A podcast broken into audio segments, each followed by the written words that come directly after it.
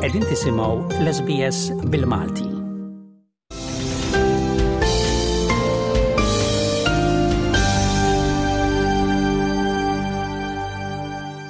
L-aħħar sħariġ ippubblikat mill ġurnal Malta Today dwar il-qagħda tal-partiti politiċi juri li l-appoġġ li kellu l-Partit Laburista niżel għal 30.8% tnaqqis ta' tmien punti minn Frar li għadda, żewġ punti biss iktar mill-Partit Nazzjonalista, l-iktar riżultat baxx li qatt kellu l-Partit Laburista. L-appoġġ għall-Partit Nazzjonalista issa huwa ta' 28.4 fil-mija, żieda ta' kważi sitt punti sa minn Frar.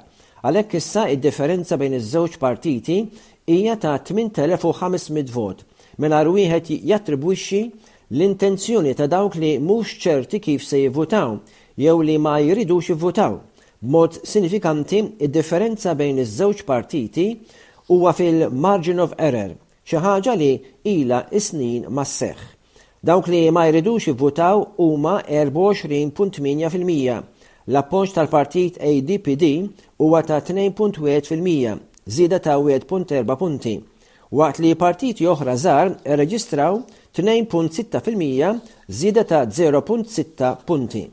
L-istħarriġ sar bejn it-tlieta u l-għaxra ta' Marzu wara d-deċiżjoni tal-Qorti li annullat il-kuntratt tal-Steward dwar il-privatizzazzjoni ta' tliet sptarijiet pubbliċi. Mill-ewwel ta' Jannar li ġej se jidħol fis-seħħ regolamenti biex il-kuntratturi jkollhom liċenzja skont pjan tal-Gvern li ġi ppreżentat għal konsultazzjoni pubblika. Il-Ministru għall-Ippjanar Stefan Zrinzu Azzopardi qal li l-iskema proposta tal-liċenzjar ser ittejjeb il-kwalità tas-settur tal-kostruzzjoni u jwassal għal infurzar aħjar f'dan is-settur importanti tal-bini. Applikazzjonijiet għal liċenzjar jiftħu fil-ewwel ta' Jannar u jagħlqu fil-31 ta' Ottubru, iżda il-cut-off date tal-kuntratturi kollha biex ikunu liċenzjati hija l-ewwel t'Jannar 2025. Il-konsultazzjoni pubblika tibqa' sejra sal-21 ta' April. Ta' min jgħid li seħħew numru ta' imwiet fl-aħħar snin u kien hemm argumenti biex f'dan is-settur isiru riformi fih. Il-wegħdiet biex tiġi introdotta skema ta' liċenzjar ilhom isiru sa mill-2019.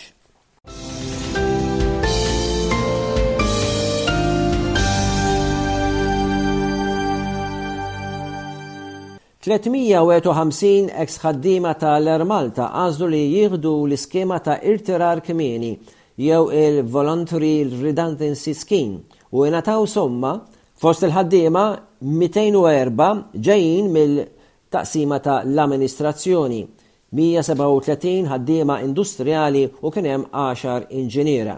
Dan tagħrif ingħata mill-Ministru tal-Finanzi Clyde Caruana, fi tweġiba għal mistoqsija parlamentari tad-Deputat Nazzjonalista Ivan Bartolo. Il-somom offruti għall-iskema ta' irtirar volontarju ivarjaw bejn 40,000 u 300,000 ewro.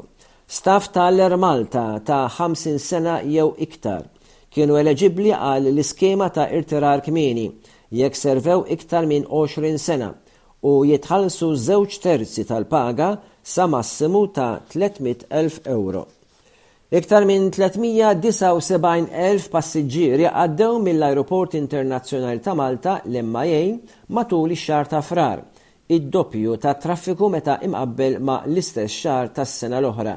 L-MIA qalet li minkejja li Frar għandu 28 ġurnata, kien biss 262 movimenti ta' passiġġieri inqas mit-traffiku rekordjat f'Jannar.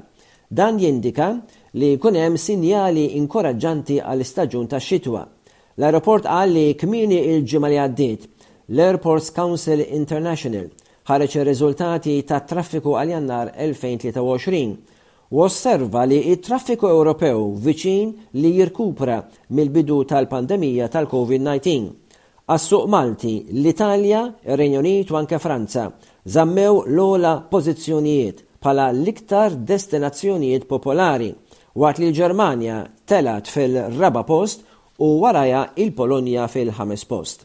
Il-peak period fi Frar kienet il-ġurnata ta' 18 ta' Frar, meta l-ajruport kellu 17,531 movimenti, meta l-Karnival u anke l-btajjel tal-midterm tal-iskejjel kienu fl-aqwa tagħhom.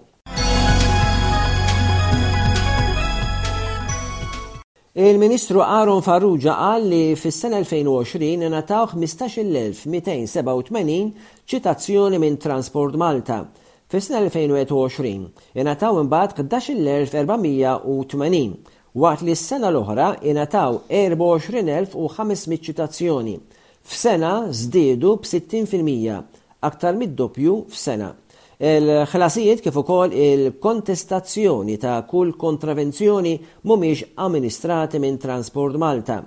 L-informazzjoni kemm il-kontravizzjoni ma tħallsitx trid tiġi indirizzata lill-Ministeru kkonċernat. Il-Ministru Farrugia kien qed iwieġeb interpellanza ta' Deputat Nazzjonalista Ivan Bartolo. Skont stħarriġ li sar minn DR joħroġ li l-proprjetà f'Għawdex kellha l-ikbar żieda fil-prezz bejn ix-xhur ta' Ottubru u Diċembru li għadda.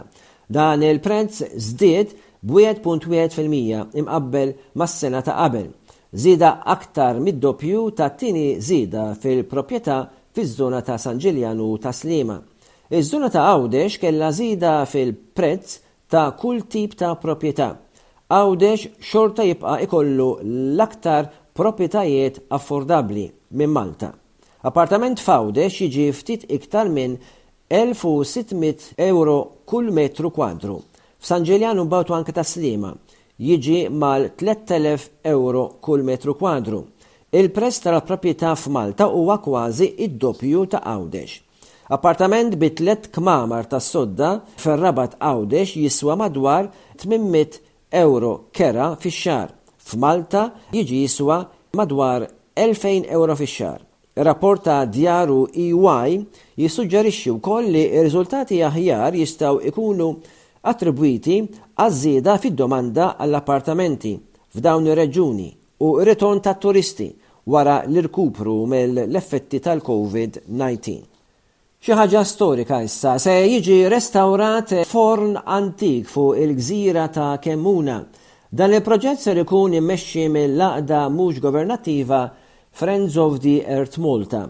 Il-pjanijiet għar-restawr tal-binja ġew approvati mill-Awtorità tal-Ippjanar wara li l-Friends of the Earth Malta kkommettiet li r-restawr jippreserva l-istorja u l-arkitettura tal-binja, se jintuża l-materjal oriġinali fejn possibbli biex l-impatt tax-xogħol ikun inqas possibbli. Dan il-proġett kien ħolma tad-Direttur tal-Friends of the Earth Malta, Martin Galea De Giovanni, li rrealizza li s-sit kien il-post ideali bħala ċentru ta' sostenibbiltà edukazzjoni u biex in-nies isiru jafu dwar is-sbuħija naturali ta' Kemmuna. Il-koordinatu tal-komunikazzjoni ta' din l-NGO, Maria Eileen Fsadni, qalet li ħafna nies lanqas biss jafu li f'Kemmuna kien hemm forn li kien iservi l-ħobż meta l-popolazzjoni tal-gżira kienet ikbar u l-ħajja fuq Kemmuna kienet fl-aqwa tagħha. Michelangelo Galea li huwa il-ġardinar ewlieni tal-Friends of the Earth Malta qal li dan il-forn l-antik huwa s-sit ideali fejn il-poplu jista' jitgħallem dwar il-kwalitajiet naturali u anke il-wirt kulturali storiku ta' Kemmuna.